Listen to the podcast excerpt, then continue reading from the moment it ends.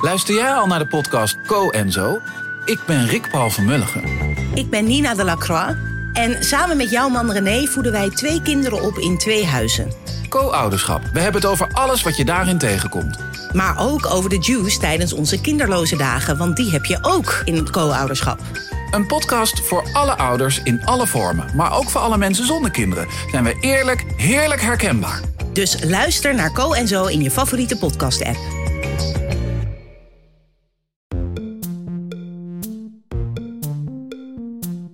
Hallo daar, fijn dat je luistert naar Boeken FM. Heb je een vraag voor ons? Stuur dan een mail naar boekenfm.dasmag.nl. En we zijn ook te vinden op Instagram, boekenfm. Wil je nou nooit meer een aflevering van ons missen? Abonneer je dan nu in je eigen podcast-app. En geef ons ook vooral een heleboel sterren en recensies. Dan zijn we ook zichtbaarder voor anderen die ons misschien willen luisteren. Ja, nee, het was heel zwaar. Maar af en toe is het stilistisch is het ook...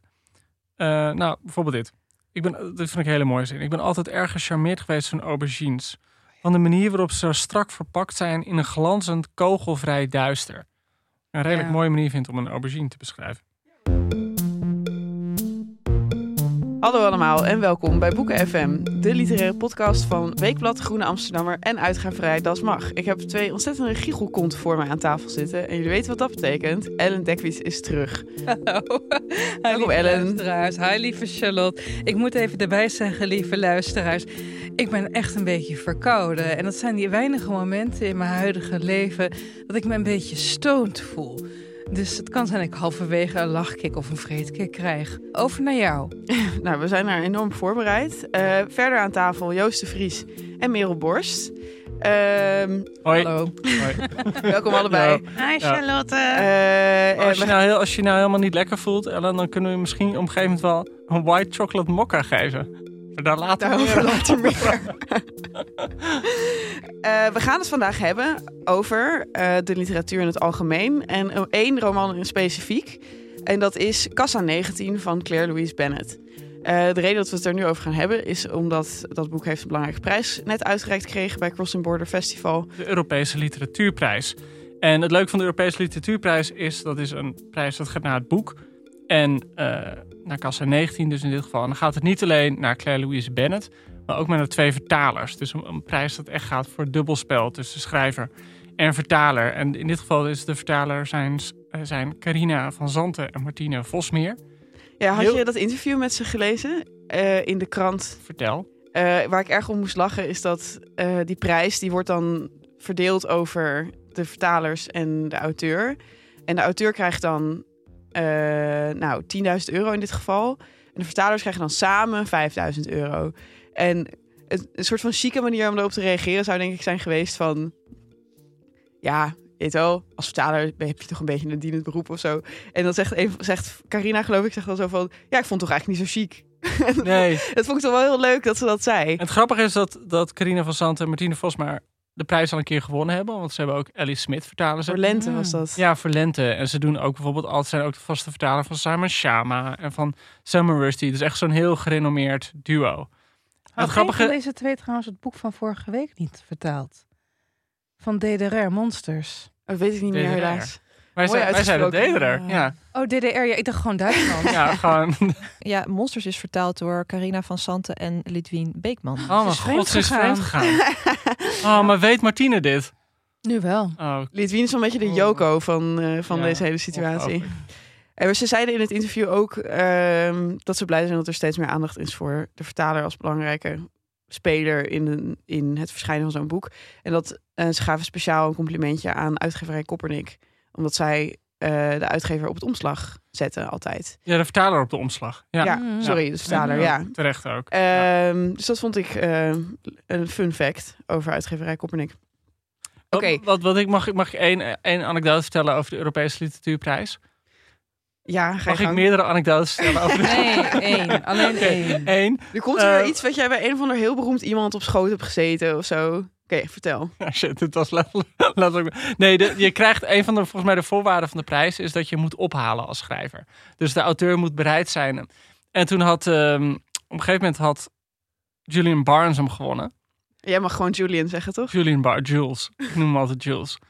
En die kwam toen om ophalen en die was ja, op manuscripta of zo, zo'n soort literair festival. En toen zat ik samen met Christian Weitz, werden wij geïnterviewd op een podium. En toen kwam hij zo binnenlopen de zaal in, terwijl het programma al bezig was. Waardoor iedereen echt zo alleen maar perplex was. Vandaar is Julian Barnes. En die bleef toen drie kwartier bijstaan. Terwijl wij gewoon Nederlands met elkaar spraken. En wij dachten alleen maar, waarom is Julian Barnes naar twee mensen die hij niet kent aan het kijken die Nederlands spreken?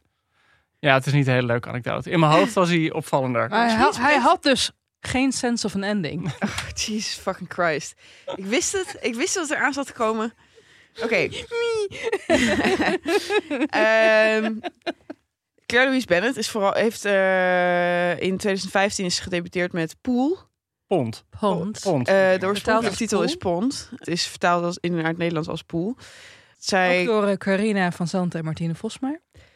Kijk aan. haar hele ding in interviews is dat ze uit een working class gezin in Engeland komt. En zich daar een beetje aan heeft ontworsteld middels de literatuur. En eh, toen rondom de eeuwwisseling naar ehm, Ierland. Galway is gemigreerd. Inderdaad. Galloway, we kennen het wel. Van het liedje van Ed Sheeran. Van Galway Girl. Galway een Girl. stukje. Ja. Fell in love with a Galway girl. Ja, Nee, heel mooi. Vind dat je een luchtgitaar bij speelde. Fantastisch. Waarom doe je dit? Wat een viool. ging vanzelf van de lucht. ja, oké, sorry. Eh, en het is met heel veel enthousiasme ontvangen. Een beetje in, ik zou willen zeggen, de Groene Amsterdammer kringen. Ik heb erover geschreven in De Groene. Ja, en eh Ilse Josefa Lazaroms ook, geloof ik. Daar komt dit citaat uit. Een wild, ongrijpbaar, huiveringwekkend goed boek. Onder het gezicht van Claire Louise Bennett. Die overigens heel mysterieus doet over hoe oud ze is. Dat wil ze nooit zeggen in interviews. Ja, maar je kan het wel uitrekenen. Want ze, ze zegt ergens dat ze begin jaren negentig na haar eh, afstuderen ergens in, in, in Londen, of nee, ergens, ergens in het buitenland zat. Dus ze zou eigen halverwege de jaren zeventig, misschien begin jaren zeventig ergens geboren zijn. En als je kijkt naar video's eh, van haar op, eh, op YouTube, dan zou, ik zeggen eind veertig. Ja, ik vind het wel zo grappig dat dit weer opnieuw bevestigt. Wat ik zo erg vond wat jij toen zei tijdens onze aflevering over Sascha Bronwasser. Dat vrouwen van af een bepaalde leeftijd gewoon niet meer zeggen hoe oud ze zijn op hun boek. Heb ik dat zo seksistisch gezegd? Ja, dat? Dat heb je echt Hij zo... zei ik het wel subtieler dan dit. Nee, volgens Maar- mij zei je het Ja, maar luister, ik ken ook genoeg mannen die dat doen eh, of willen doen. En ik heb bijvoorbeeld een, een ex, die was ook schrijver en die was aan het liegen over zijn geboortejaar, omdat hij graag jonger wilde zijn. Echt? Ja. Wauw. Ja, ik denk dat ik, als, dat ik altijd zou liegen over mijn geboortejaar zo, en mezelf ouder zou maken, zodat iedereen denkt, oh, wat ziet zij er nog geweldig uit voor haar leeftijd. Dat wel ze weten dat de binnenkant al vermomd kan zijn. Wijs en Ja. zeg maar ervaren en dat soort dingen. ja. Ja. Oké, maar dat is Claire Louise Bennett dus allemaal. Eh, en ze ziet er nog steeds fantastisch uit. Op de foto's ziet ze er fantastisch uit. Ja, eh, op de video zie je al wel dat ze gewoon, dat ze wel, dat ze gewoon geleefd heeft. Oké, ik vind dit minder belangrijk, denk ik, dan de inhoud dan van het boek. Ik heb spijt dat ik erover begonnen ben. Ja. Ja. Dus Wij laten we daar even... Spijt. We hebben allemaal wel spijt. Ja, toch? Wat maakt het uit? Zullen we eens even naar de inhoud gaan kijken, Charlotte? Ehm, dit eh, boek werd beschreven door eh Lazaroms als uiterst cacofonisch. Maar dat bedoelde ze niet per se slecht. Nee, want, want zij zei, dit is Ja. een eh, wild, ongrijpbaar, huiveringwekkend goed boek. Eh, en wat ze daar vooral mee bedoelde is eh, dat het heel losjes en associatief in elkaar zit. Het is een soort ehm gedachtenstroom van een coming-of-age roman van een meisje eh, in Engeland. Ehm, en zij knoopt haar gedachten een beetje aan elkaar naar, aan de hand van de boeken die ze leest en de dingen die ze over zichzelf ontdekt in die boeken. Ja, het klinkt nu een stuk tuttiger dan het eigenlijk is. Nou, het, het, het- Ellen? Nee, het is, het is, het, het, eh, dit is het deels. Het is deels coming of age, eigenlijk de, de becoming of a writer. Maar het is meer. Het begint namelijk heel meta. Zo van, je leest een boek. Wist je dat je zo en zoveel aandacht hebt voor de linkerpagina en zo en zoveel aandacht voor de rechter? Ehm, hoe het is om een boek uit de bibliotheek te halen. En het gaat heel erg, en dat vind ik er heel erg leuk aan, ook over het maken van ficties. En natuurlijk niet alleen dat, dat postmoderne idee zijn natuurlijk inmiddels beu dat je hele leven een fictie is en bladibladibla. Maar het gaat er bij haar ook over hoe ze zelf begon met het maken van verhalen. En dan vertelt ze op een gegeven moment ze op de middelbare school. Dan heeft ze een leraar waar ze een beetje een crush op heeft. En dan is ze hier niet, dan gaat ze hem tekenen in haar schriftje.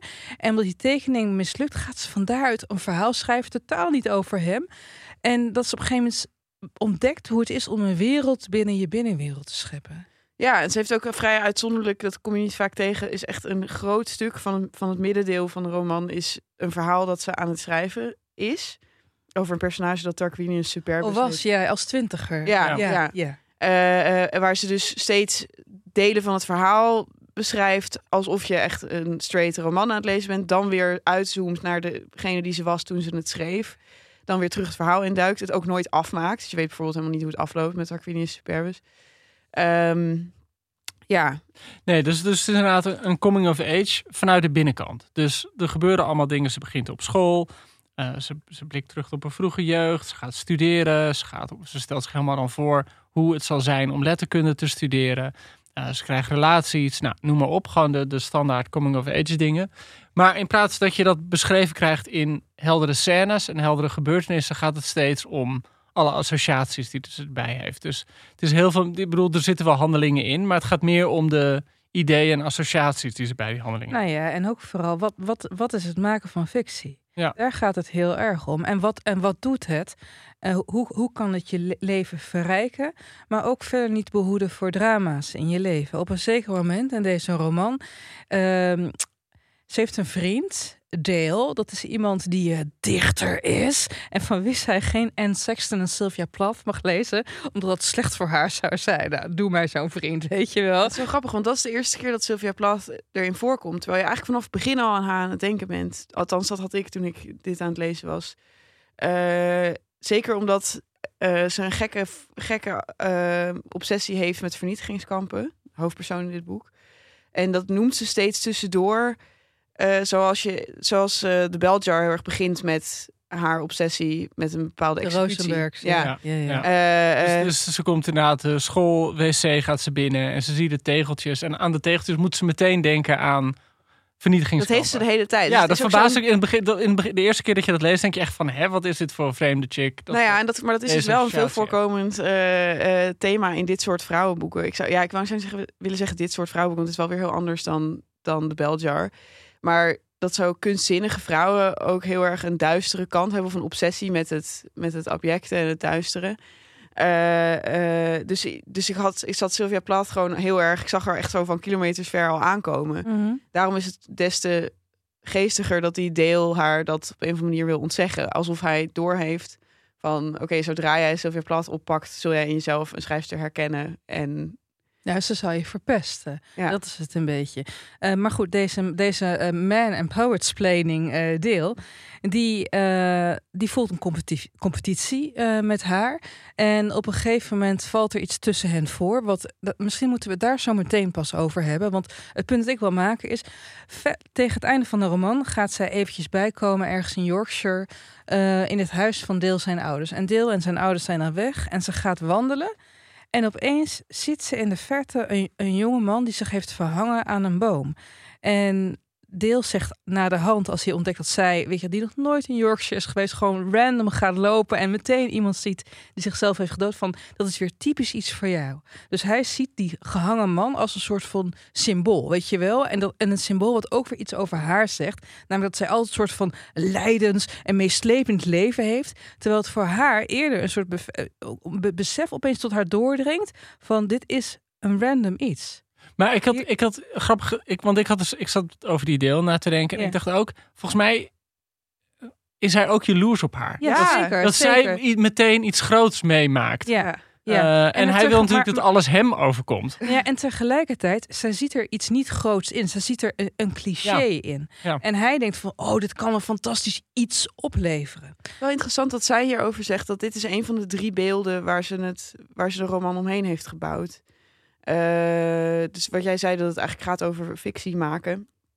In, in haar geval doet ze het op zo'n best wel mystieke manier van oké, ik zie een beeld dat eigenlijk heel visueel is. En dan dat is dan het, begin van een zaadje, van een kiempje van, van, van die roman. En één daarvan was dan die jongen die aan die boom bungelt. Verder zit daar niet echt een verhaal omheen. Eh, maar dat was dan wel, dat moest dan hierin. Evenals dat verhaal dat ze dan later schrijft over, eh, wacht, in de tijd later, in het boek eerder, denk ik. Ehm, over een meisje dat zit te naaien in een In kelder. begin, ja, de japonnen Eh, van haar zussen aan het herstellen is. Ja, en dat, was, dat, dat zijn twee beelden die dan helemaal niets met elkaar te maken hebben, maar die Bennett op een of andere manier wilde verenigen in dit werk. Mhm. Eh, ik moet zeggen dat ik daar weinig houvast op krijg op die gedachtegang of zo. Dat ik denk, dit is wel een, ja, als je dan een verhaal aan het schrijven bent, zou je dan iets moeten verzinnen? Is het dan niet je plicht als auteur om die twee dingen op een of andere manier aan elkaar te verbinden? Ja, maar ik denk dat Bennett zich heel erg verzet eh, in dit boek. Maar ik heb ook interviews gelezen tegen het idee wat zou moeten. En wat voor verplichtingen er zijn in literatuur. Ook als het gaat om het scheppen van bepaalde personages. Zij bijvoorbeeld heel erg fan van Samuel Beckett. Waarbij plotloosheid en absurditeit natuurlijk enorm grote elementen van zijn oeuvre zijn. Ik denk dat het bij haar... Ik moest heel erg denken, jongens, ik weet niet of jullie dat ook hadden... aan het werk van Ninja Weijers. Bij, wie plotloosheid ook een rol speelt. Begrijp wel wat je bedoelt. Ja. Ik, ja, ik, nou sorry. Ik, waar ik ook aan moest denken. ehm, ik heb het natuurlijk veel te vaak over James Salter gehad. Maar die zei een keer van als je aan je leven denkt. Dan denk je niet meestal aan een verhaal. Maar je hebt alsof je uit een trein kijkt. Gewoon van die beelden die bij je Mhm. opkomen. Van- En dat is, dat is hoe dat boek heel erg aanvoelt. Dus de, bedoel, haar middelbare schoolverhaal. eh, kijk, iedereen kan natuurlijk een, een één boek of drie boeken of twaalf boeken schrijven over zijn middelbare schooltijd. En bij haar is, heb je eigenlijk alleen dat beeld dat ze ongesteld wordt in de klas. En dan naar de wc gaat en dan gewoon heel erg naar de kleur van bloed kijkt. En dan krijg je een hele bezinning op dat het precies de mooie kleur bloed is en hoe dat toch werkt. Dat En waarom er geen lippenstift bestaat Ja, in de kleur ik van ook een heel grappige, rood. grappige Moet observatie. ik wel zeggen, er zijn natuurlijk, ik kijk even de meiden aan duizend tinten menstruatie. Het gaat haar om die een allereerste begin. Oh, die. Dat Ja. is een hele mooie Ja. kleur. Je mist Ja. wel eens, Joost. Ja. ja, Nee, ik weet nee, nee, jij ja, eh, goed, een ik- echt ik- Maar goed, eh, Ja. wat ik daar zo'n mooi beeld vind, is dat bij heel veel andere schrijvers, die hadden, zeg maar, de gênante scène, je wordt, in de je wordt ongesteld in de klas. Weet je wel, die, die ligt bijna ligt voor het oprapen. En heel veel schrijvers, eh, of filmmakers, of wie dan ook, hadden dat gewoon zo lekker uitgebeend. En de schaamte waarmee je wegloopt. Of iemand die een opmerking maakt, of weet ik Je wordt in de douche met tampons bekogeld. Bijvoorbeeld dat, ja. eh, Kun je een heel oeuvre opbouwen. ja, en, en, maar in plaats daarvan heb je alleen dat beeld dat ze in er eentje is. En zo heel fysiek haar bestaan observeert, als het ware. Mm. Ja, wat ik ook, wat ik eigenlijk nog het mooiste stuk van die scène vond, is dat zij zo'n rust vindt in het moment dat ze in haar eentje in de badkamer van de, in de wc van de school is. Omdat ze zich dan buiten de tijd kan wanen. Omdat Ja. ze denkt van mensen gaan al honderden jaren naar, eh, sinds we het riool hebben, zeg maar, gaan ze naar de wc. En als ik hier ben, dan hoef ik niet eens per se een meisje in Engeland te zijn. Want zij verzet zich eigenlijk heel erg tegen de omgeving waar ze vandaan komt. Eh, ik zou alles kunnen zijn op dit moment. En dan krijgt ze ook zin om gewoon te gaan zingen. Eh, eh, omdat ze zich op dat moment zonder de aanwijzingen van haar locatie en haar tijd voelt ze zich zo heel erg sterk. Omdat ze dan, omdat ze dan los van de tijd zou staan. En los van het verhaal wat een tijd over je zou moeten vertellen. Ja, En Ja. ze gaat heel vaak, en dat vond ik aan de ene kant cool, en aan de andere kant af en toe mega storend. Ze gaat best wel vaak meta. ja. En soms werkt het, maar in het begin, dat ze dan eh, dat eerste hoofdstuk waarin ze in wijvorm zich tot de lezer richt, zo van ja, ja, een boek lezen, zo zo, een boek om, een pagina omslaan, knijter irritant. Oh, bedankt. Ik was bang dat ik Ja, nee, dat eerste zeggen. hoofdstuk vond ik ook Ja. heel, heel... Knijter irritant. Maar in, in eh, de bespreking van Ilse Josefa Lazaroms, een prachtige naam is dat, ehm, Voor welk medium? voor de Groene Amsterdammer, Goed medium. onafhankelijk weekblad sedert 1877. Onafhankelijk, zeg je. Eh, en en eh, haalde ze een citaat uit uit de Irish Times, uit een interview. En zei ze dat ehm Claire Louise Bennett zei van het gaat me niet zozeer om een literair verhaal of een literair personage te creëren, maar om een literaire attitude te beschrijven, een literaire Mm. houding. Mm. En dat, dat is het denk ik heel erg. Ik bedoel, ze laat gewoon, probeert van deze naamloze verteller te laten zien hoe literatuur tot haar komt. eh, hoe de literatuur haar leven breder maakt en tijdlozer maakt. En eh, ja, haar confronteert. En, en dus dat metaniveau daar... Ja, het ene hoofdstuk is het nadrukkelijker aanwezig dan het andere hoofdstuk. Eh, maar goed, ja, dat, dat, en, maar vond je dat werken of duurde jou dat soms ook het, het, het eerste hoofdstuk vond ik echt slecht. En dat, ik, ik, had, ik, had de roman al eerder in huis dan dat we besloten hadden om het te gaan bespreken. En ik had het eerste hoofdstuk gelezen. Ik dacht, laat maar. Ik ben achteraf heel blij dat ik nu heb verder gelezen. Want eh, de rest van het boek maakt dat echt heel erg eh, weer goed. Maar kijk, eh, de kern is... het is een heel geëngageerd boek in zekere zin. Ehm, Wat bedoel je dan? Hoe, de, hoe, hoe, je, hoe het feit dat we literatuur produceren en denken dat het een groter verhaal vertelt over onszelf, over de wereld, tegelijkertijd haaks staat op die wereld die we willen beschrijven en waarvan we denken dat het beïnvloed kan worden door het bestaan van literatuur, laat staan literatuur zelf. Dat is ook a- aan het slot van het hoofdstuk waarin ze dus die opgehangen jongen ontdekt. Zij zo ja, eigenlijk is alles maar chaos. En we maken er een verhaaltje van, maar het boeit verder totaal niet. Ja, maar in die zin is het ook wel een beetje ja, nihilistisch. Ja, dat is het. Maar tegelijkertijd, dat vind ik ook zo mooi aan de slotzin. En eh, ik, kan hem voorlezen, jongens, want het is eigenlijk geen spoiler, lieve luisteraar. Eh, onze vingers tintelen. En dan heeft ze het over de vingers die, die dus Japons herstellen. In dat eerste verhaal van, van de jurk van de stiefzusters. Dus je bent bezig met weven van koorden, met het leggen van verbindingen, met het naaien van iets dat gescheurd is. Onze vingers tintelen als gekken, ja, alsof ze tot leven komen. En het knappe is, ze benadrukt voor mij heel vaak in het boek de kunstmatigheid van de letteren. Maar tegelijkertijd begint het wel te leven. Want ik zag bijvoorbeeld een personage, die Tarquinius, eh Tarquinius Superbus, zag ik echt voor mij. En ook de kleine scènes die ze tussendoor beschrijft. Bijvoorbeeld dus dat ze dat verhaal van dat meisje dat die japonnen herstelt, dat, dat gaat op een gegeven moment vliegt zij in de fik. Lang verhaal kort. Ik zag het ook helemaal voor me. En waar ik bij het lezen van deze roman erg vaak aan moest denken, is een uitspraak. Volgens mij heb ik die ook al eerder in deze podcast aangehaald van C.S. Lewis. Ehm, literatuur helpt ons niet om te overleven, maar het zorgt er wel, wel voor dat ons overleven de moeite waard is. En daar vind ik deze roman echt een sprankelijk voorbeeld van. Ja, het, het, wat mij soms, eh, eh, mijn leeservaring soms moeilijk maakte, is dat ze wel steeds laat zien dat ze het kan. Ja. Eh, bijvoorbeeld echt zelfs in één zin. Dan, want dan rent haar fant- fantasie weer zo voor haar uit. Ehm, bijvoorbeeld als ze in bad gaat in haar studentenhuis. Dan zegt ze, misschien stelde ik me voor dat ik een dienstmeisje was in een groot huis... dat op een troosteloze zondagavond toilet maakte... voor een haastig en enigszins gewelddadig rendezvous met meneer... halverwege de hoogste trap. Nou, heeft ze in één keer een hele roman neergezet eigenlijk. En dan gooit ze dat weer weg eigenlijk. Of laat ze dat liggen, waar het ligt. En gaat ze weer snel naar iets anders. En ja, misschien ben ik dan heel traditioneel in mijn lezen. Maar ik, eh, ik, ik vond het zo flauw. Alsof ze een soort van de spierballen laat zien. En, ze- en ze dan nergens voor gebruikt. ja, ze is een cocktease.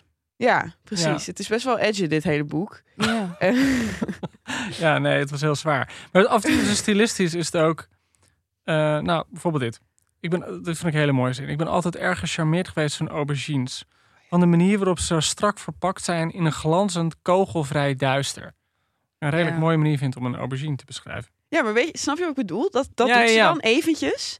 En dan vervolgens ontspoort ze in een soort Nee. fantasie. Nee, Van, totale edgelord. Tarquinius superbus, die zou een kroonluchter van aubergines hebben. Je weet wel? En dan gaat, Ja. het, gaat het weer over de rand het belachelijke in, of zo. Of niet belachelijke, maar wel het, het zeg maar zo decoratieve.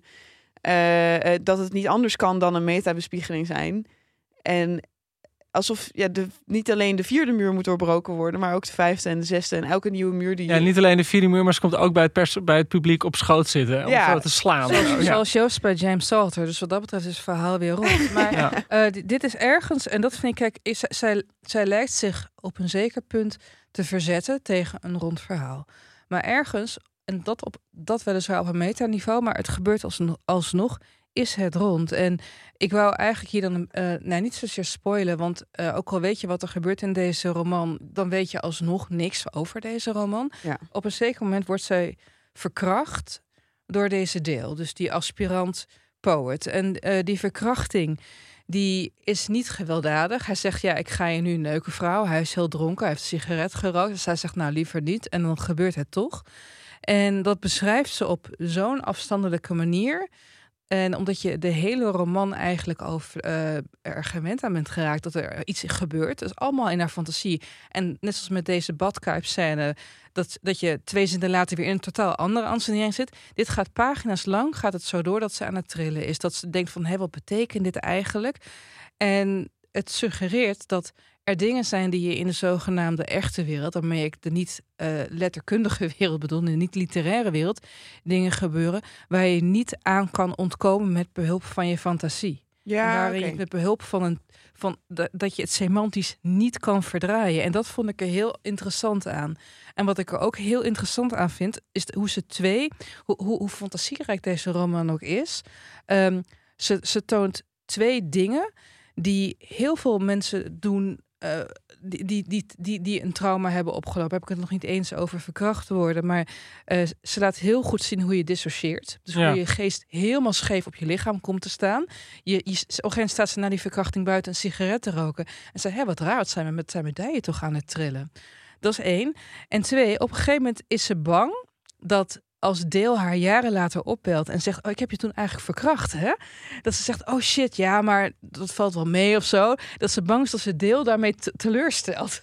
Dat ze hem daarmee vernedert. Dus ze is compleet aan het fawnen. Wat een ander component is van mensen met trauma. Dat je een is dat je de ja, hele is tijd? Wat, de, de eh, is dat je zo bang bent voor de reactie van de ander dat je gaat pleasen. Dat je haast in een soort please-stuip eh, Ja. eh, schiet. En dat vond ik hier, en dat vond, dit, dit gebeurt vrij tegen het einde van het boek. En dat was voor mij echt een enorme dreun, omdat de hele tijd zij met behulp van fictie, als het net iets te ongemakkelijk wordt, la la la, er komt er wel weer fantasie. En dan niet op de manier zoals je in een film als Pan's Labyrinth ziet. Ja, ja. eh, waarin in, de, de- daar wordt de Spaanse burgeroorlog, eh, nee, Spaanse Tweede Wereldoorlog in Eh, Spanje, ja, Spaanse burgeroorlog. Ja. Net als het dan heel gruwelijk wordt, dan ziet de hoofdpersoon weer een soort van vrolijk gekleurde demon lopen. En dan, weet je wel, dan Ja, ga je op een heel ander niveau kijken naar de omstandigheden. En dit vond ik heel. Het is juist zo rauw omdat het wordt heel matter-of-factly beschreven, die verkrachting. En daarna is ze niet druk met hysterisch zijn of bang zijn, maar met, oh, hoe voelt het voor hem? Ik hoop dat hij zich niet rot voelt. Wat Ja. het alleen maar schokkender maakt. Zij, een grote literaire held van haar is Annie Ernaux. Ja. Zie je dat ook Grappig terug dat je hierin? dat zegt. Ja, ja, ja. Eh, ja, maar niet op dit niveau. Kijk, je hebt natuurlijk het voorval. Daar, daar refereer je denk ik aan. Hè? Dus voor, voor de lees- luisteraars die het niet hebben gelezen...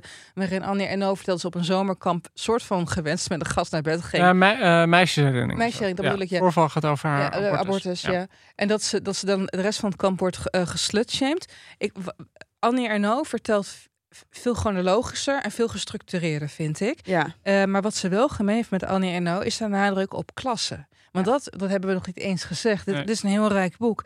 Het gaat ook heel erg over hoe je uit een bepaald sociaal, sociaal segment kan komen en je dan tot letteren toe verhoudt. ja, Kassa 19, dat is verwijst naar het baantje dat zij heeft in de supermarkt. Ja.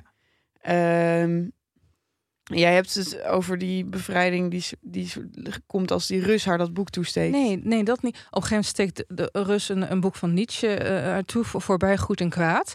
Ehm, nee, dat, dat nog niet eens. Eh, het gaat erover dat je dat wanneer je uit een klasse komt waarbij het niet vanzelfsprekend is dat je je artistiek bezighoudt. Dus dan heb ik het over de niet-socialistische arbeidersklasse. Omdat in de, weet je, de socialistische arbeidersklasse natuurlijk kunst werd helemaal werd, werd, werd, gelouterd. Hoe het dan is als je dan begint te schrijven, hoe verbaasd zij is als ze eerst een tekening maakt van die Engelse scène waar ze een crush op heeft, dat het een verhaaltje begint te worden. Dus ik denk, wat is dit? Ja. Wat de fuck ben ik aan het doen? Haast alsof je, zonder ooit porno te hebben gezien, leert masturberen of zoiets. Dat, dat, dat zit er heel sterk in. En het is wat dat betreft, vind ik, ook sterk geëngageerd. Ook, ook geëngageerd omdat ze aantoont hoe futiel letteren kunnen zijn. En toch fundamenteel voor het denken van iemand. Ja, want dat, dat is natuurlijk de spanning die erin zit. Eh, dat, dat ze laten inderdaad zien hoe fundamenteel irrelevant schrijven kunnen zijn. En tegelijkertijd is het een door en door literair werk. Ja, want ze soms Dus ik bedoel, ook... het, het, het, Ja. het is, het, aan de ene kant heeft het, wat jij net zei, je het nou nihilistisch? Nou, dat, dat is niet. Maar tegelijkertijd is het een totaal romantisch boek. Omdat het gewoon laat zien van door literatuur kun je leven. Eh, ook, al, ook al is het maar literatuur, zeg maar, wat, waar ze bij uitkomt. De conclusie, het is maar literatuur, het is maar verhaal. Eh, maar ondertussen, het is de zuurstof wa- waarmee ze ademt. Ja, en wat ik dus heel. eh, Kijk, dat is trouwens ook in, de besprekingen hier ook heel vaak geloofd. Als in, als in praised. Ja. Ehm, dat ze ook zoveel schrijvers aanhaalt. En ze zei dat ze, dat ze geen schrijft van ja, ik ben nu dit en ik was in der tijd had ik die en die gedachten en was ik dit en dit aan het denken en aan het schrijven. Maar ik had toen nog niet Cervantes gelezen of eh, nog een auteur. Wat, wat ik heel interessant vond, want dat vormt je natuurlijk ook heel erg. En ehm, Joost, ik kijk jou heel even aan. Maar maar Charlotte misschien ook wel even, maar ik weet niet of je hiermee uit de kast gaat komen. Ehm, wat, ik heel grappig vond, is dat zij, dat, ging zo lang in het verhaal op van, dat ze schreef toen ze twintig was. Die Tarquini is eh, superbus. En dat ze ook dan vertelt van ja, ik ben nu wat ouder, dus ik schrijf er nu, ik verzin er nu allemaal dingen bij. Maar had u dat ook, dat je toen je echt gewoon tiener, twintiger was, ben je nog steeds Charlotte, eh, dat je opeens een verhaal gaat schrijven, maar dat je dat ook op een bepaalde manier altijd met je mee blijft dragen, ook al wordt het niet gepubliceerd? Ik hoop het niet zeg. Jesus. Dan Nee? mij nog een lang, leven, lang en ongelukkig leven beschoren. Dus je hebt, dus je hebt zo'n verhaal wel, of niet Ja, we liggen? zitten altijd bij, bij Charlotte Pielen van geef het nou, geef het nou aan ons. Wij helpen je, kom op, doe het. Ik heb nog één aanklacht Nee, nee, nee, nee, nee, nee. Je, je gaat voorbij de vraag. Eh, ja, ja, tuurlijk. Heb je fictie geschreven? Ja, jongens, maar dat, dat is, waarom moet dat nu? Dat wil ik niet. Oké, eh, voor- daar gaan we nog een aparte aflevering over maken. Daar ga ik even naar Joost. Ik vind het interessant om meer over te hebben. Heb jij het ook? Ja, ik heb wel... eh, Kan je iets over vertellen? Wat, wat je nooit... Gewoon zo'n jeugdzonde. Wat, wat, wat was het plot? Wat schreef je? En denk je er nog wel eens aan? Nou, ik- waar ik wel aan... Nee, ik, ik, ik heb toen... Ik, ik ben natuurlijk redelijk... Ik was 27 toen ik debuteerde of zo. En Zo. dat was wel een boek waar ik gewoon heel lang aan werkte. En ik had gewoon allemaal verhalen en, en allemaal verschillende personages. En op een of andere manier heb ik die toen naar elkaar toe weten te, te buigen. En ze aan elkaar vastgeplakt. En dat was toen mijn debuutroman, voor mijn gevoel. Maar ja, er zijn ook wel hoofdstukken afgevallen die nog steeds ergens liggen. En, maar ik heb inderdaad wel eens... Ik heb een keer... Jij hebt volgens mij... Heb jij nou Right Now gewonnen? Nee. Nee, oké, dat dacht Nee, ik. ik manier. Oh ja, beoordeel Weijers heeft het wel... oh, jij, zit, jij bent gewoon de rechter. Nee, snap ik. Ja. Nee, daar heb, daar heb ik ooit eh, heb ik dat aan meegedaan. En daar had ik toen een verhaal voor. Ja. Wat- Oh, Jullie kijken nu al met open mond so aan. En, en waar ging het over? Hoe ver ben je gekomen? Het heette Vladimir. En het was een kort verhaal dat, dat op zich ook wel geinig was. En ehm, eh, bij Das Mag, die organiseerde een keer een, een avond... waarin allemaal schrijvers een soort van jeugdverhaal gingen voorlezen. Ja. Dus toen heb ik dat verhaal voorgelezen. Met, ik- ook wel een beetje met het schaamrood op mijn kaken. Omdat er gewoon allemaal woorden in stonden. Die, waarvan, ik duidelijk, waarvan duidelijk was dat ik net niet begreep wat ze, bedoel, wat ze betekenen. Noem eens een voorbeeld. Ja, volgens mij gebruikte ik inherent als een soort van het tegenovergestelde van coherent. Zo van, nou, hij is inherent. Gewoon iemand die dronken was, zoals inherent. Nee, dat is heel erg lief. En eh was ook heel gedateerd. Dat op een gegeven moment beschrijft dat, dat er een vrouw is. En dat, die die wordt door het verhaal beschreven als wel een lekker wijf. Een beetje zoals Caroline Tense. dan moet je echt heel oud zijn om dat, om dat nog meegemaakt te hebben. En haar lekker Ah, ja, ja, een soort van- Oh, ik weet het, ik weet het. een goede huid. Ja. En ehm, eh, Wat was nou voorbij zinnetje? Fuck. Ja. En ehm, dat is wel zo'n verhaal waarvan ik altijd, als je het zo ziet, als je dan terugleest, ik, ja, ik ben er toen tegengekomen, je ziet gewoon die ambities spatten af en tegelijkertijd het onvermogen. Ehm, en en ehm, ja, Maar je hebt dan gelukkig niet. Het lijkt me veel erger als je dat terugleest en denkt, ook was veel beter vroeger.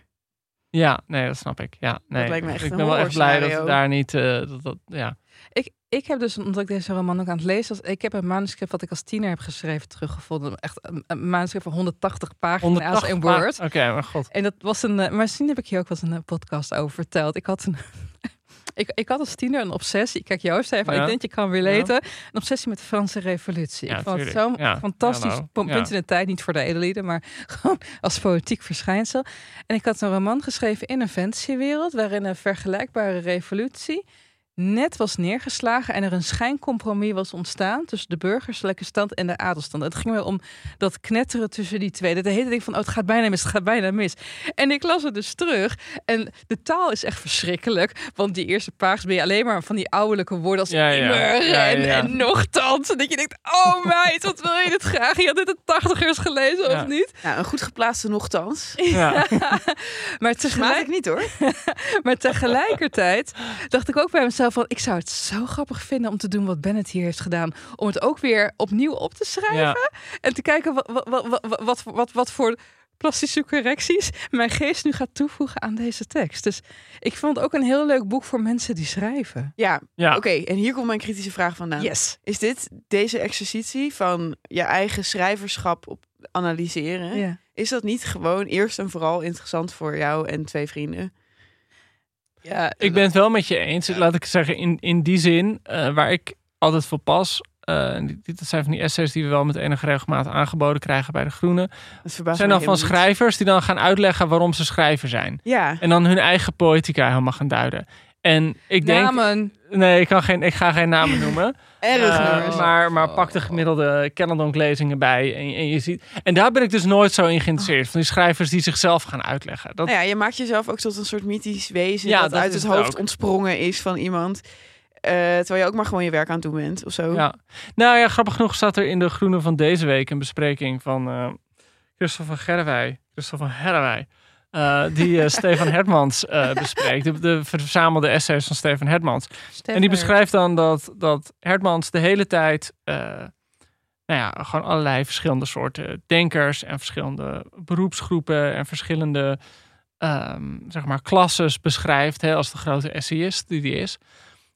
Maar dat hij niet één keer reflecteert op zijn eigen identiteit. En hij zegt van, terwijl die identiteit die hij, hij doet net alsof hij een soort van universeel mens is die geen identiteit heeft. Maar zijn identiteit is de verslavendste van allemaal. Namelijk de schrijver met de hoofdletter S. Oh ja. En dat is wel echt zo'n identiteit, zo'n mantel die mensen zich kunnen omdoen. En dan denken van nou, nu ben ik schrijver, nu sta ik overal boven. En heb je immuniteit. En heb je, ja, precies, Ja. ben je immuun voor alles, terwijl het gewoon ook maar een mantel is. Ik bedoel, het is niet wie je echt bent. Nou, het geeft heel veel gewicht aan Ja. jouw mening over Forster of jouw Ja. mening over Erno. Eh, als je alweer gelauwerd ja, uit- maar je doet dus net alsof jij geen vooroordelen hebt en niet van een, uit een bepaalde sociale klasse of een bepaalde geografisch gebied komt. Nee, je bent alleen nog maar de losgezongen schrijver op de berg. Nee, oké, aan deze misdaad maakt Bennett zich niet schuldig. Nee, want zij plaatst nee. het heel erg in de context van haar eigen Ja, nou, menselijkheid. ja dat, dat, dan breng je het weer mooi terug naar het boek. Want dat is inderdaad wel. Ik bedoel, aan de ene kant is het zo'n verheerlijking van schrijven en tot schrijven komen en wat, dat, wat je schrijven voedt. Maar dat is dan wel weer zo gevoed met gewoon de, de fysieke realiteit vanuit een arbeidersdorpje in Engeland komen. Ik vind het zo vroeg in hun oeuvre om in je tweede roman jezelf al weer zo op de petrischale te leggen. en nee, want kijk, ja, maar kijk, dat, dat, dat- kijk, we- wel als, wel als schrijver van papieren werk, van papieren literatuur, maar zij heeft hiervoor echt een hele carrière gehad als theaterschrijver. Oké, Dus ik denk, en, en, en zij heeft ook in een interview gezegd dat ze heel lang eh, op, kassa 19 heeft gezeten, omdat ze gewoon ja, vroeging had met wat voor vorm moet ik dit gieten en hoe ga ik dit vertellen en zo. Maar ze heeft echt al heel erg geëxperimenteerd en heel erg zichzelf ook in die toneelstukken blijkbaar moeten verhouden tot van ja, wat is een personage en ze heeft een soort aversie tegen. Dus het, het is, het is relatief vroeg in het oeuvre. Als je het alleen maar gaat kijken naar het eh eh, literair prozaïs oeuvre. Oh, mooi woord is dat. Ja. ja, schitterend. En het rolt zo makkelijk uit ook bij jou. Ja. Ik denk dat ik heel erg zou struikelen. Maar weet je, weet je hoe dat komt? Ik heb dus net zo'n Starbucks white chocolate matcha eh leeggedronken. En opeens ben ik eloquent. Ik lijk Cherry wel. Ongelooflijk. Speaking of which, Ja. Ja, weet je wat ik, wat, ik, wat ik me gewoon wel eens afvraag? Het is nu half, half november ongeveer. En wat ik altijd merk rond deze tijd van het jaar, op het ene moment zit je nog echt rechtstreeks in het jaar. Maar dan opeens overvalt de kerstsfeer je. Je ziet hem nooit aankomen. Opeens hoor je gewoon weer Last Christmas in de Albert Heijn. Ja, ze hebben dat hele grote cadeautje op het plein voor de Groene Amsterdammer gezet. Ja, een heel groot cadeau. Dat staat er opeens. Zo, gewoon, je loopt nog in je korte broek en opeens staat een heel groot cadeau op het Koningsplein. En er staan er allemaal van die slogans van shop, shop till you drop. Opeens is de kerst dichterbij dan je denkt. En opeens moet je gewoon je einde van het jaar dingen nog doen. Je moet je einde van het jaar deadlines halen. En dan moet je ook nog eens kerstcadeaus voor oom Theo kopen. En opzoeken hoe je de beste rollade maakt. Ah, En dan denk je, god, eh, de kerstdagen horen toch gewoon ontspannen te zijn. Hoe krijg ik nou een goede kerstsfeer kan ik ontwikkelen? Hoe kan ik lekker ontspannen? En dan zeg ik, wat dacht je van take 10? Elke anderhalf uur van je drukke werkdag minstens 10 minuten wegsluipen van al je drukke eh, kerstwerkzaamheden en alle deadlines en alle gedichtjes die je moet maken. Want bij ons in de familie moet je bij alles gedichtjes maken. Ja. bedoelt, kijk, eh, ik, ik schrijf ze altijd voor Joost's familie. Maar Ja, nee, Ellen, Ellen weet alles. Ik, geef je, ik zal je binnenkort weer even een mail sturen van mijn moeder dit jaar heeft meegemaakt. ja. Eh, daar kan je een gedicht van maken. Het was hetzelfde als vorig jaar. Ehm, Hard echt. sorry. Het was Genadeloos. sorry. Sorry, Ja, sorry. als we ooit weer Eh, eens advertentie heen willen komen. Ja, oké. Eh, kortom, dus wat je eigenlijk moet doen om te lekker te ontspannen richting de goede kerstsfeer, is elke anderhalf uur van je werkdag minstens 10 minuten wegsluipen van je deadlines, van je kerstdrukte. En lekker met een white chocolate mokka apart gaan zitten. En toen dachten wij, als je dan apart gaat zitten, wat moet je dan lezen om gewoon lekker te ontspannen? En toen dacht ik, wat is er nu lekkerder dan comfort reading? Zo'n boek dat je al vijf keer gelezen hebt, maar waar je geen genoeg van kan krijgen. En dan gecombineerd met je comfortdrankje. Nogmaals, de white chocolate mokka van Starbucks. Want niets is zo kersterig dan een chocolate mokka Van Starbucks. van Starbucks. Ik heb er ook dat dat niet zo heftig is dan ehm, Pumpkin spice. pumpkin latte. spice. Dan zie je opeens Ja. zo de pumpkin spice staan en dan denk je, ah, Het is herfst. Het is Ja. herfst. Ik ga een shalom doen. Dit, dit vind ik heel mooi, hè? Dankzij onze afschuwelijke omgang met fossiele brandstoffen dus hebben we geen seizoenen meer. Het is eigenlijk gewoon driekwart van het jaar is het nu herfst. Maar dankzij Starbucks weten we dus nu wanneer het herfst wel of weer wanneer winter de herfst is. Dat je dan Ja. denkt van, ik heb een nieuwe sjaal nodig. Ja. In je korte broek. Ik vind het ook wel heel slim dat, zeg maar, zij hebben de herfst gewoon helemaal gekoloniseerd met de pumpkin spice latte. En dat werkt gewoon heel goed. Je ziet de pumpkin spice latte, je weet dat het herfst is. Je ziet dat het herfst is, je wil een pumpkin spice latte. En nu geldt dat gewoon ook voor kerst. Ja, nu heb je een white chocolate mokka. Ja, bedankt Starbucks. Want Ja. zo zijn we niet meer klimatologisch in de war. Maar Charlotte, En we zijn ook geen boeken, we zijn ook geen boeken FM als we jullie niet ook even een lees. Een leestip. Eh dus Charlotte, wat is nou jouw persoonlijke Take 10 kerstklassieker die je lekker opgerold met je vliesdekentje en je white chocolate mokka wil blijven lezen? Lezen met kerst is herlezen. Je weet wel, je hebt al veel te veel stress met je familie en zo. En al die dingen die je moet regelen en de gedichten die je moet schrijven. En de bovengenoemde rollades en zo. Ehm, dus ik zou zeggen, lees iets wat je al heel vaak hebt gelezen. In mijn geval is dat ehm, Frank McCourt, Angela's Ashes. Echt waar? Ja, dat is mijn favoriete. Ja? Echt waar? Ik weet dat het Wat heel gruwelijk is en iedereen de hele tijd daar dood Ja, in gaat. was jij net niet aan het haten op die Tweede Wereldoorlog obsessie van jonge vrouwen die opeens overal hun dark side moeten tonen? Dat is wel echt zo. Maar Frank Ja. McCourt, ik weet niet, vooral die tweede, eh Tis, apostrof T-I-S, eh, is super mooi. Het gaat, het is, gaat over super armoedige Ierse jongen die in het tweede deel van zijn memoires verhuist naar Amerika, The Land of Opportunity. En er is een hartverscheurende scène dat hij denkt, nou alles wat ik in Amerika mooi vind, kan ik nu combineren in één moment. Namelijk, ik ga met een stuk taart ga ik in de bioscoop zitten. En dan ga ik daar dat stuk taart eten. En dat is echt beyond his wildest dreams. Want toen hij nog in Ierland aan het opgroeien was, toen had hij zeg maar met vier broertjes en zusjes één aardappel. aardappel, ja. Baksteen. Ja. ja. ja. En dan wordt hij uit de bioscoopzaal gezet, want je mag natuurlijk niet jezelf meegebrachte taart daar eten. En dan is hij zo verdrietig en dan blijkt de American Dream toch niet wat hij dacht dat het was. Dit is een kerstboodschap. Al dit en meer in eh, eh, de boeken van Frank McCourt, die allemaal heel erg mooi zijn en die ik elk jaar opnieuw lees. Mag ik hem ook even Ja, doen, jij mag hem jongens? ook doen. Ja, dat is maar één boek voor mij. Jouw Take 10 kerstklassieker. Nou, dat is Arthur, The Once and Future King. Oh, Van T.H. White. Weet je wel, eigenlijk alles wat die man heeft geschreven. Maar dit is gewoon heerlijk. Het is ook zo leuk om deze boekenreeks zijn vier boeken hè, in één. Is toch heel mooi weer vertaald en uitgegeven. Ik weet niet meer door wie. En het, in het eerste deel is het allemaal heel kiddies. Net, weet je, Harry Potter. En het eerste jaar op Zwijnstein. En het Ja. laatste deel is een soort van Primo Levi. Hoe overleef ik de oorlog? Dus het is echt heel mooi gedaan. Laatste deel, het Candle in the Wind. Ja, Daar heeft Elton John die beroemde zin vandaan. Echt waar? Ja. Ik dacht dat hij gewoon Lady Di zag en dacht, Candle in, Candle in the. Wind. Ja, nee. eh, en Joost, wat is jouw eh, kerstklassieker? Nou, toevallig was ik allemaal boeken aan het opruimen. En toen dacht ik, eh, als ik nou met mijn white chocolate mokka lekker tot mezelf mag komen. Heb ik eigenlijk wel weer heel veel zin. En we hebben hier vaak over gepodcast. Maar eigenlijk wel heel veel zin om The Secret History van Donna Tartt gewoon opnieuw te lezen. Dat is jouw kerstklassieker, ja. Het is gewoon mijn kerstklassieker. Het is gewoon heel moeilijk om, om een beter boek te verzinnen. Om lekker in weg te duiken. En het is nu echt een aantal jaar geleden dat ik hem gelezen heb. Dus ik- het zijn vast weer dingen die ik me niet herinner. En weer andere dingen die ik erin oppak. Merel, back to you. Ja, dankjewel Joost.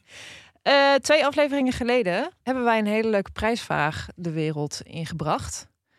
Namelijk, win een exemplaar, een gesigneerd exemplaar moet ik erbij zeggen, van Huiswerk, de nieuwe roman van Marja Pruis. Door te antwoorden op de volgende prijsvraag. Wat is je eh, beste, meest onnodige aankoop online geweest die je ooit hebt gedaan? Ehm, en er hebben echt heel veel mensen ingezonden. Waarvoor heel veel dank. Ik kan het niet allemaal gaan voorlezen, want dan zitten we hier morgen nog. Maar we hebben er hardop om gelachen met z'n allen, toch? We waren heel erg vermaakt. Ja, ja, ja, ja. Ik vond het allemaal hartstikke leuk. Dus ik ga er nu gewoon een paar even voorlezen. En dan eh, uiteindelijk gaan we de, de drie winnaars kiezen. Want we geven drie exemplaren weg. Oké, de, de eerste inzending is van Danielle. Beste Boek FM. Als het antwoord op de vraag wat is de beste, meest onnodige online aankoop die je ooit hebt gedaan luidt boeken kopen, dan lijkt je verkeerd te zijn bij een boekenpodcast. Toch denk ik dat ik reden heb om met het antwoord boeken mee te dingen naar de felbegeerde gesigneerde exemplaar. Wat is het geval? Vaak denk ik dat ik een papieren boek wil en dat ik dat dan wil kopen bij onze lokale boekhandel. Zo staan mijn kasten vol met mooie gelezen en nog ongelezen boeken. Maar als ik dan heerlijk in bed zo'n boek lig te lezen, denk ik best zwaar, zo'n boek in je hand boven je hoofd. Wacht. eh, Ja. Ik koop hem ook digitaal. Dan kan ik lekker op mijn lichte e-reader doorlezen. Oh, wacht, ze koopt En- en Als ik aan het wandelen ben, denk ik, ik wil eigenlijk door kunnen lezen. Wacht, ik download even het audioboek.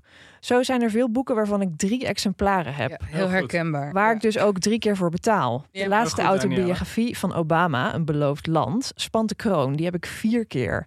Ook dit boek. Ook dit boek had ik op papier als e-book en als audioboek. Maar toen kwam op een van de socials voorbij dat eh, Barack Obama het Engelse audioboek zelf insprak. Zelf, met die stem, die dictie, die moest ik hebben. En zo heb ik vier exemplaren van een niet eens zo sterke autobiografie. Wow, I love this. Badoem. De, de boekenmarkt drijft echt op Danielle en haar miskopen. Ja. Ehm, dat is toch echt een on- onnodige online aankoop in drievoud. Maar ja, Marja, als ik je boek win, zal ik met trots die gesigneerde papieren versie lezen. Hartelijke groet, Danielle. Jongens, ik relate hier zo mee. Ik heb het ook. Ja? Ja, maar ik, ik, heb, ik heb ook dat ik bezoek van de knokploeg zo vaak kwijt ben dat ik het gewoon drie keer in mijn kast heb staan. Nog een keer gekocht. Ja, ja. Oh ja. Ja, maar jullie zijn toch van de download-generatie? Je kunt toch gewoon illegaal downloaden? Oké. Dit ga ik eruit dit- Ja, dit is echt, we moeten er weer doodschieten. Gewoon zo meteen. Het is weer, dus we moeten weer Wat is dit? echt ongelooflijk. Charlotte, wat- Deze vrouw. Ja. Oké, Oké. Betty, Betty. die kwam even kort maar krachtig tussendoor. Met het meest onnodige wat ik heb gekocht online is een luxe waterfontein voor de kat. Het is een obstakel in huis en de kat is er bang van. Dus het is, dus het, dus het is na één keer nooit weer gebruikt. Groetjes Betty. Oké. Dan hebben we Jaap. De meest onnodige online aankoop die ik ooit heb gedaan is mijn eigen cv. In een vlaag van onzekerheid in een jaar van werkloosheid gedurende de pandemie heb ik via internet een opnieuw verbeterd cv gekocht, geschreven door een specialist in mijn werkveld. Het resultaat was een maandlange e-mailmarathon tussen mij en drie opeenvolgende editors die bij nader inzien niet echt specialistisch waren. Omdat ik werkloos was op het moment had ik ruimschoots de tijd om op alle slakken zout te leggen. Uiteindelijk heb ik nu drie matig geschreven cv's die het schijnbaar waanzinnig goed doen in AI-scanners in een lelijk format. Dat was 80 euro goed verspeeld. Nou, Jaap. Bedankt Jaap. Mooie investering in je carrière. Ja. Even kijken, dan gaan we door naar Instagram, want daar hebben ook mensen best wel veel ingestuurd.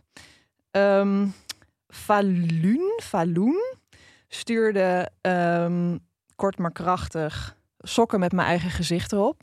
Ah, nice. Verhaal hierachter wil ik dan ook wel weten, dus dat is wel jammer. Dit is dat... bijna even erg Merel, als dat je een kussen sloopt met je eigen gezicht. Oh, erop. laten we het daar maar even niet over hebben. Wel dat ook weer. Eh, niemand. Even kijken hoor. Ik zit nu even op Instagram te scrollen. Ehm, Ik weet ook gewoon dat je deze Ja. grap eruit gaat halen, hè? Ja. nee, echt, ik ja, laat hem erin. Ik laat hem erin. Dat is, ik, ik, ik laat hem er wel in. Hallo Boeken FM redactie, dit is nog een Jaap.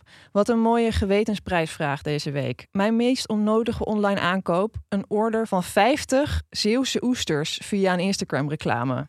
Te veel, te decadent en er zat een oestermes bij waar ik nooit meer iets mee gedaan heb. Maar wat heeft hij met die 50 oesters gedaan? Hebben ze opgevoed. Nou, ik kreeg nog een kleine aanvulling later. De oesterorder heb ik slaapdronken scrollend besteld. Zolang je in die staat nog dingen bestelt, heb je je leven niet op orde. Waardoor ik een week later licht verbijsterd de bestelling in ontvangst neem en het vriesvak begin te vullen. Ik had geen feestje gepland en voor een Duits diner met z'n zessen is een voorraad van 50 Zeeuwse oesters wat overdreven. Naderhand ook niemand te vinden die ik blij kan maken met het ingevroren overschot. Kortom, les geleerd. Voortaan gewoon weer oesters op het terras. Eén per, eens per kwartaal. En dat oestermesje als aandenken is nog mild. Want de beste onnodige online aankopen zijn tastbaar, onverkoopbaar en blijven je nog jarenlang aanstaren. Wow. True. Ja. Ja. Oh, deze vond ik. Oh, hier heb ik zo om gelachen. Oké, deze was echt heel leuk. Maaike. Beste boek FM.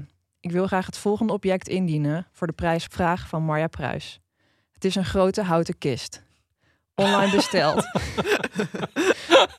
Online besteld. Dus de grote houten kist kwam in een net iets grotere kartonnen doos. Het doel van de kist is om er pliometrische oefeningen mee te doen. Wat is dat? Zoals er mee met twee voeten tegelijk opspringen. Pliometrisch? Ja, pliometrisch. Ik wil jou zien dat je niet weet wat dat is. Nee, ik ben, heel- ik ben best wel pliometrisch. Vaak.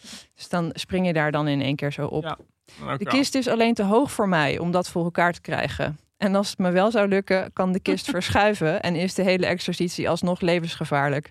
Tevens hinderlijk voor de onderburen. Ik heb de kist al vijf jaar. Omdat ik niet zou weten hoe ik hem moet weggooien.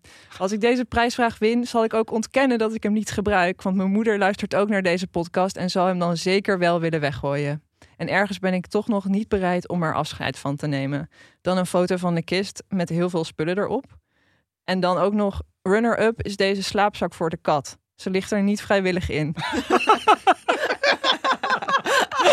maar als je haar omkoopt met snoepjes, is het wel heel schattig. Nou, dan een foto van de kat in de slaapzak. Heel lief. Ook heel leuk. Dat is geen miskoop. Nee. Oké. ja. En dan even, ik denk dat, we, dat ik nu de laatste voorlees. Hoi Boeken FM. Nutteloze online aankoop. Schraaptkeel. Een buttplug. In de zoek- zoektocht naar sfeerverhogende middelen kwam ik een mooie zilveren tegen. Met een hartje erop. YOLO toch? Weet ik veel dat die di- dingen in verschillende maten komen. Oh my. En dat ik God. per ongeluk de grootste had gekocht. Oh my. En die is dan ook echt angstaanjagend groot. Gelukkig staat hij ook goed op, mijn, op een nachtkastje. Anoniem SVP, smiley. Oké, dit was het jongens. Welke drie winnaars komen er uit de bus? Zullen we er allemaal één kiezen? Allemaal één kiezen. Nou, ik, ik moet zeggen, ik, ik, ik, ik vond het verhaal van Jaap en die cv's fantastisch. Eens. Oké Jaap, gefeliciteerd. Joost. Ik ben toch wel heel erg benieuwd naar eh, Betty's waterfontein. Oh ja. Ja, staande weg voor eeuwig in je huis. Eh, nou ja, als we het over staanweg hebben, is mijn favoriet moet toch wel de ple- pliometrische kist zijn. Ten eerste Yes. omdat ik daar nog nooit van had gehoord. Eh, ten tweede, omdat ik me gewoon zo kan voorstellen dat je dan toch vijf jaar dat ding in je huis hebt staan. Iets wat, Eens. wat Ja. nog nooit een functie heeft gediend. Waar je misschien iets boven een plantje op hebt gezet of zo. En dat je ook nog, ik vond het een geweldig verhaal, omdat er ook nog een familiedramaatje in verwikkeld was. Met van als haar moeder er dan nu achter komt dat ze dit ding gekocht heeft, Ja, Maaike. dan. eh, Nee, als ze wint, ja, dan wil die moeder dat eh, ja, opruimen. Precies. Dus maar ja. ik vond gewoon eigenlijk eh, een, een romannetje in een, in, een, in een prijsvraag antwoord. Mooi. Gefeliciteerd, alle drie. Ja, gefeliciteerd. En ik kom eh, bij jullie terug met... Ja, ehm, als je je adres laat weten, sturen we snel SM. Vragen we om zes snel SM. Snelle rem. Ja, jongens, het is vrijdagmiddag. Eh, dan stuurt Marja zo snel mogelijk een gesigneerd exemplaar naar jullie op. Yeah. Bedankt voor het inzenden. Yes, dank jullie wel. Terug naar kassa 19, jongens. Kassa 19. Oh, sorry. Ja, man. Oh. Weet je, jongens, we, we hebben het nu al een beetje gehad over de structuren en, en over het, eh, ja, het, eh, het postmoderne, het intertextuele hiervan. Maar wat vonden jullie daar eigenlijk van? Ik wil je nog een klein fragmentje voorlezen dat een inleiding is voor wat ik ervan vond. Oké. Namelijk. Volledig vermorzeld door diepe wanhoop en angst, die af en toe werd verlicht door angstige maar betrekkelijk heilzame huilbuien. ik had geen kleine kinderen, geen ontrouwe echtgenoot. Ik had veel vrienden, volgde een opleiding, de wereld lag aan mijn voeten. Kreeg ik keer op keer te horen. Ik kon overal naartoe, alles zijn. Maar in mijn hart was ik ontroostbaar, in de rouw. Had ik heimwee naar een plaats die ik nooit had gezien, naar een plaats die niet bestaat, maar waar ik toch thuis hoorde. Ik vond een beetje dat dit boek zich in, in de categorie Grand Unified Theory of Female Pain kan scharen. Hmm. Daar heeft Tori Peters ooit heel geestig over geschreven in haar roman The Transition Baby. Dat een bepaald soort schrijfster heel populair is bij een bepaald soort beschadigd meisje. En dan hebben we het over Joan Didion en eh, Vivian Gornick en Virginia Woolf en Sylvia Plath. En, dat zijn, en op het moment dat je dat daarvan gaat houden, en dat moment komt ook voor in deze roman, dat ze stopt met mannen lezen en vrouwen gaat lezen, dan gaat er zo'n wereld voor je open. Ik kan me dat ook herinneren. Dan denk je echt van, oh wauw, mijn ervaring is ook beschreven. En vrouwen kunnen eigenlijk veel beter schrijven dan mannen, want ze begrijpen wat emoties zijn. En dat besef, dat na een tijdje ga- gaat dat ook weer beschimmelen. En moet je weer iets nieuws over literatuur gaan vinden. Dus om dat dan weer terug gespiegeld te zien aan mezelf in deze roman, vond ik, daar werd ik een beetje moe van. Als je snapt wat ik bedoel. Eh, tevens ben ik een grote liefhebber van personages. En vind ik het eh, niet een interessante vernieuwing van het medium om p- zonder personages te schrijven. Ik vrees dat ik het een vijf moet geven. Ik zit erover na te denken wat jij nu zegt, inderdaad. Want kijk, volgens mij hadden we het laatst in de, die uitzending met Marja over van wat wil je dat literaire kritiek doet. En toen zei ik altijd, nou ja, beetje stug van, van je moet niet een boek beoordelen op wat het niet heeft willen doen. En dit boek heeft niet eh, een, een personage willen geven. Dit boek heeft niet een soort van heldere verhaalboom met een, een helder plot en zijlijnen eh, willen schetsen. Nee. Bless you.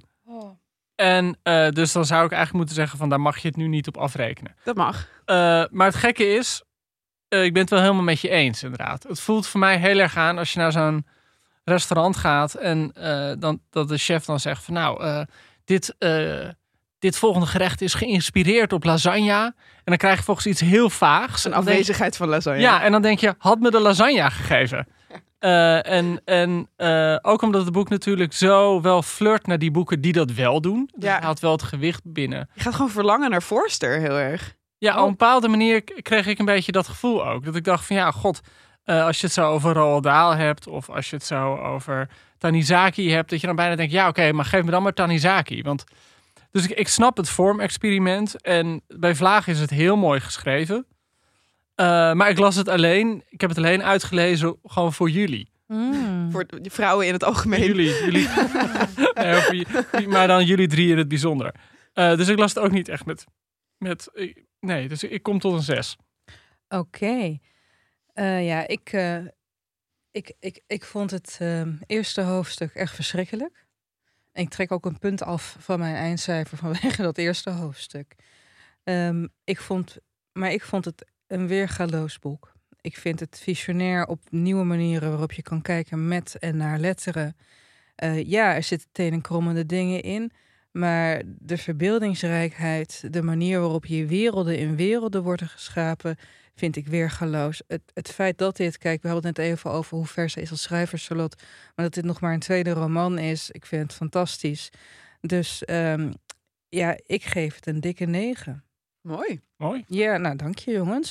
en dat betekent dus dat we een 6,9 hebben als eindcijfer, 6,8 of zoiets. Wat is het, Charlotte? Niet wel meer. Nee?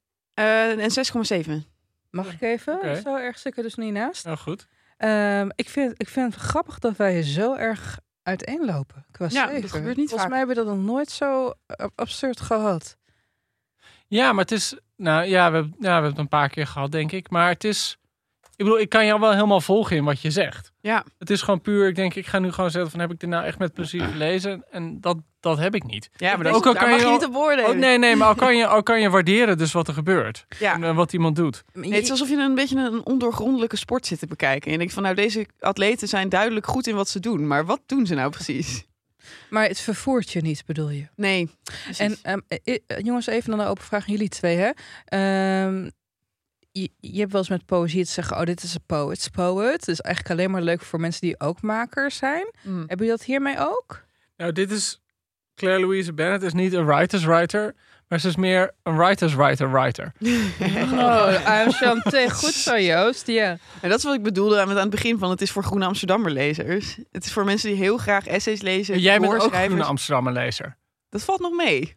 Dit Oh, gewoon zegt luister, zometeen staat weer een schuimbekkende Nou. Marja op je stoel. Nee, hè? sorry, je ik weet ben bijna december, het is weer lees de bijna hele- de eindejaarse evaluatiegesprekken. Ja, Eh, ja, je wil gewoon slagen worden. Bewezen dat je Ja. het druk hebt.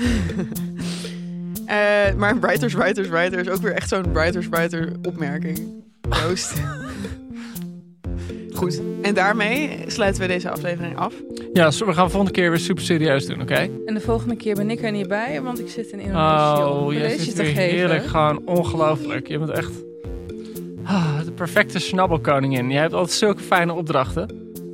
Nou, misschien ben jij er wel bij, waar. Ellen. Het is- Oh, het is oh je, bent er je bent er wel bij. Je bent de volgende, Maar we houden er wel bij. We houden het Oh. spannend voor gewoon de luisteraar. Oh, misschien is je Ellen er wel. wel bij. Misschien is Ellen er wel, misschien Ja, is ik, ben, ik ben een soort Schreudingers kat. Mooi. Miauw. Oké. Dag jongens, tot over twee weken. Doeg.